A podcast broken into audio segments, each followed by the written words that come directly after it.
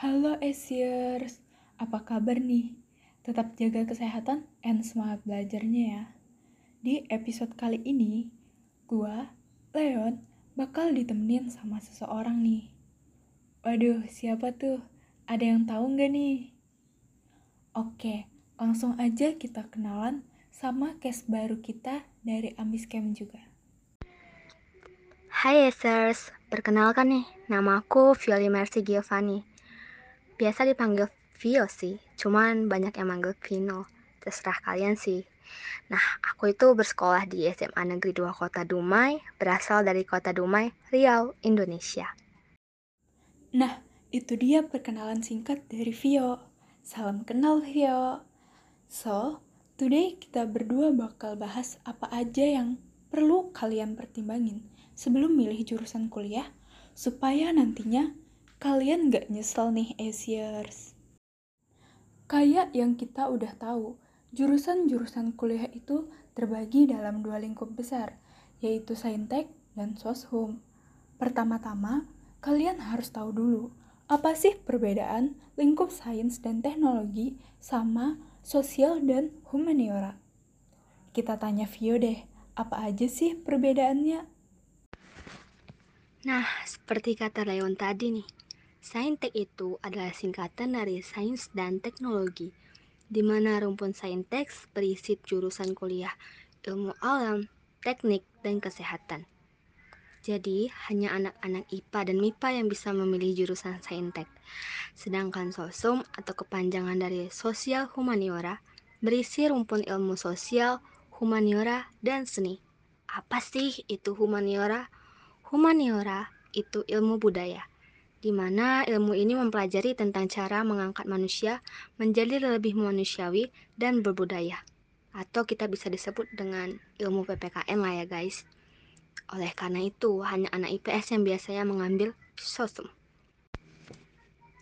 Contoh jurusan kuliah saintek di antaranya biologi, farmasi, kedokteran, gizi, fisika, matematika, statistika, arsitektur, teknik elektro, teknik kimia, dan pertanian. Sedangkan jurusan sosum terbagi atas akuntansi, filsafat, bahasa dan sastra Indo, hukum, sejarah, HI atau hubungan internasional, sosiologi, pemerintahan, antropologi, dan arkeologi nih guys. Bener banget tuh kata Vio. Jadi intinya secara umum saintek ini erat banget sama ilmu pengetahuan alam. Sedangkan soshum lebih erat sama ilmu pengetahuan sosial.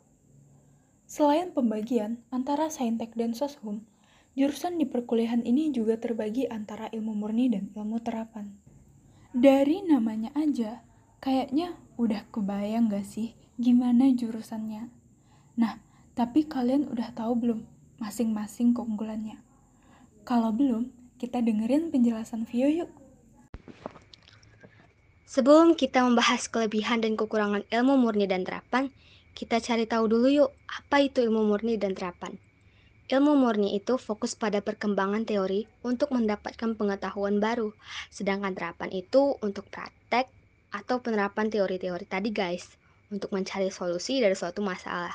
Dengan kata lain, dengan ilmu terapan kita mendapat produk dan layanan baru, tentu saja semua tak lepas dari ilmu murni guys. Terus, apa sih kelebihan dan kekurangannya? Hmm, ini aku agak bingung sih guys. Berdasarkan pendapat aku ya, kelebihan ilmu murni itu mungkin lebih banyak di, ru di ruangan tertutup ya. Lebih nyaman. Kekurangannya kita harus bisa membuka mata lebar-lebar untuk melihat dan meneliti lingkungan sekitar kita. Terus buat teori tuh, atau kita mengembangkan teori yang udah ada. Menurut aku sih ini bukan kekurangan ya guys. Lebih ke tuntutan mungkin. Sedangkan kelebihan terapan, kita dapat bereksplorasi dan menciptakan alat-alat dengan teori ilmu murni tadi. Tapi ya, tentu saja tuntutannya kita harus menguasai ilmu murni tadi. Ilmu terapan ini bisa dibilang lebih seru dan menantang ya guys. Awak, awak, awak. Ternyata sama-sama keren ya Asiers. Kalian di mana nih? Saran gue, kalau kalian suka cari teori, kalian bisa pilih ilmu murni Terus, kalau kalian lebih suka cari solusi dari suatu problematika, kalian cocok tuh di ilmu terapan. Next, masalah bakat dan minat. Hayo, siapa yang masih bingung mau ngeduluin yang mana? Buat kalian yang galau harus lincir atau enggak, dengerin ini baik-baik nih. Sambil diresapi juga pembahasan sebelumnya, yaitu antara saintek dan soshum tadi. Kalau menurut gue sih, mending duluin bakat deh. Soalnya, nanti bakalan ada fase kalian bosen. Nah, walaupun bosen tapi kalian bisa, seenggaknya tingkat stres kalian itu nggak terlalu tinggi. Walaupun nggak gitu belajar, tapi masih bisa ngejar materi lah ya istilahnya. Tapi, kalau kalian yakin banget sama bakat kalian, why not gitu kan? Misal pun, emang pengen banget yang sesuai minat. Sebelum masuk kuliah, ada bagusnya kalian asah kemampuan dulu di situ, biar nantinya nggak kaget. Kalau perspektif Vio, gimana nih? Bakat atau minat? Nih. Hmm, gimana ya? Kalau bisa dua-duanya kenapa harus satu ya kan? Gini guys, kalau misalkan kita berbakat, pasti bakat yang kita punya itu kita minati juga kan kayak misalkan nih kita suka masak. Pasti kita berbakat masak kan? Cuman kalau misalkan ada pertanyaan mendahulukan bakat atau minat aku setuju sih dengan kata Leon tadi kita mendahulukan bakat dulu. Kenapa? Karena kita udah punya basicnya udah punya dasarnya gitu. Kayak misalkan Leon bisa menggambar dan hasilnya bagus. Tapi Leon kurang suka sama menggambar. Menurut aku Leon cuma perlu memotivasi diri Leon gitu supaya Leon lebih suka menggambar. Tapi kalau misalkan Leon mau mendahulukan minat bisa-bisa aja sih guys. Cuman ya Leon harus lebih kerja keras dong. Misal nih Leon suka sama fisika sedangkan Leon lebih berpotensi dalam menghafal. Ya Leon bisa-bisa aja sih belajar materi fisika ikut-ikut olim fisika lomba fisika. Kalau misalkan Leon mampu ya bagus. Berarti minatnya berkembang jadi bakat guys. Tapi kalau nggak mampu, dalam kata lain, bikin pusing, ya udah tinggalin. Terus fokus ke bakat menghafal tadi. Gitu guys. Jadi yang kita utamakan itu bakat ya guys. Setuju banget nih sama perspektifnya Vio. Semuanya itu kuncinya ada di diri kita sendiri.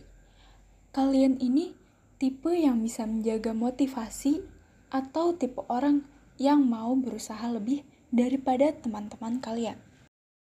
Oke, selain bakat dan minat, menurut Vio, apalagi nih yang perlu dipertimbangin? Of course, prospek kerja dong. Gimana ya? Gak mungkin kita suka menggambar, masuk jurusan arsitektur, tapi gak mau jadi arsitek, atau masuk jurusan tata boga karena suka masak tapi gak mau jadi koki, ya sama aja bohong ya nggak? Jadi kalau mau jadi arsitektur, ambil jurusan arsitek, bukan tata boga.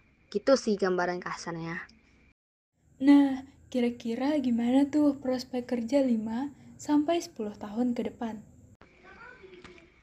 5 sampai 10 tahun ke depan. Prospek kerjanya apa ya? Tentu saja zaman semakin berkembang dan semakin modern. Biasanya yang paling dibutuhkan itu jurusan IT sih. Kalau dokter ya udah jelas lah ya kan. Secanggih apa pun teknologi pasti masih ada juga penyakit tuh. Namun ada juga jurusan lain yang tidak kalah penting, kayak matematika, fisika, terus ada teknik elektro, robotik, komputer sains, seni rupa, desain. Desain ini termasuk ke arsitektur ya guys. Terus ada ekonomi bisnis, hukum, pariwisata, dan yang paling penting ini, psikiater atau psikolog. Kenapa penting? Soalnya berdasarkan pengamatan aku nih, semakin canggih perkembangan zaman, kesehatan mental juga sering terganggu, ya nggak sih?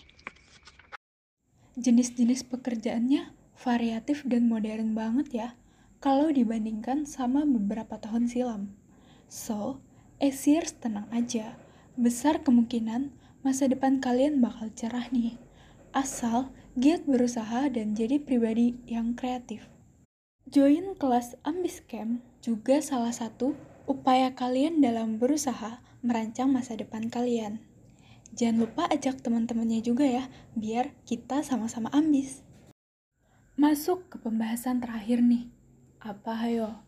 Jadi, kita berdua mau ngasih tips-tips meyakinkan diri dalam menentukan jurusan kuliah. Dari gue dulu nih. Gue mau ngasih 5 tips aja sih. Yang pertama, konsultasi ke guru BK dan orang tua. Tapi, bukan berarti yang kita pilih nanti harus sama persis dengan saran mereka. Yang kedua, coba baca sekilas materi jurusan-jurusan yang kalian pengen sama tes diri kalian buat ngerjain soal di materi awal. Nggak mesti harus bisa dulu, yang penting ada bayangannya. Ketiga, tenangin diri kalian, perbanyak doa, dan dekatkan diri kepada Tuhan, supaya diteguhkan hatinya sama Tuhan. Keempat, coba kita sama-sama ingat prestasi apa yang udah kita punya semasa sekolah. And yang kelima, Cari tahu masing-masing kesempatan dan konsekuensi dari berbagai jurusan. Jangan cuman yang saat ini kita mau. Dengan research, siapa tahu kan, pikiran kita lebih terbuka. Ya nggak Asiers? Iya dong. Oke, kita lanjut ke Vio. Apa sih tipsnya? Menurut aku tipsnya Leon udah bagus dan mencangkup semuanya ya guys. Cuman aku tambahin sedikit deh. Eh enggak, aku jelasin deh. Gini, sebelum kita memilih jurusan, lebih baik kita memutuskan untuk cari tahu tuh tujuan kita kuliah untuk apa sih. Kalau belum tahu, kita lihat lagi tuh bakat kita. Atau kita bisa minta saran dari teman baik kita, atau sahabat kita, atau orang tua kita. Karena mereka pasti lebih mengenal kita lah ya kan. Nah, kalau udah tahu tuh tujuannya, cari tuh prospek kerjanya. Jangan asal pilih aja guys.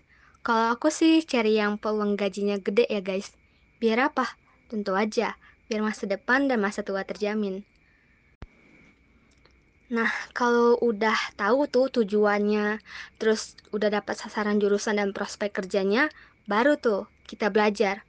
Oh iya, belajarnya jangan setengah-setengah ya guys, biar hasilnya juga nggak setengah-setengah.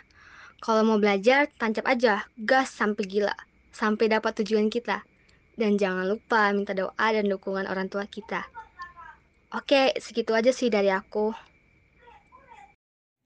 Oke, tips dari Vio tadi jadi penutup episode podcast kali ini. Buat kalian yang mau request buat episode selanjutnya, bisa klik link yang ada di bio ya. Jangan lupa buat mampir ke website sama follow sosial media Ambiscam. Dan juga share podcast ini ke teman-teman kalian. See you!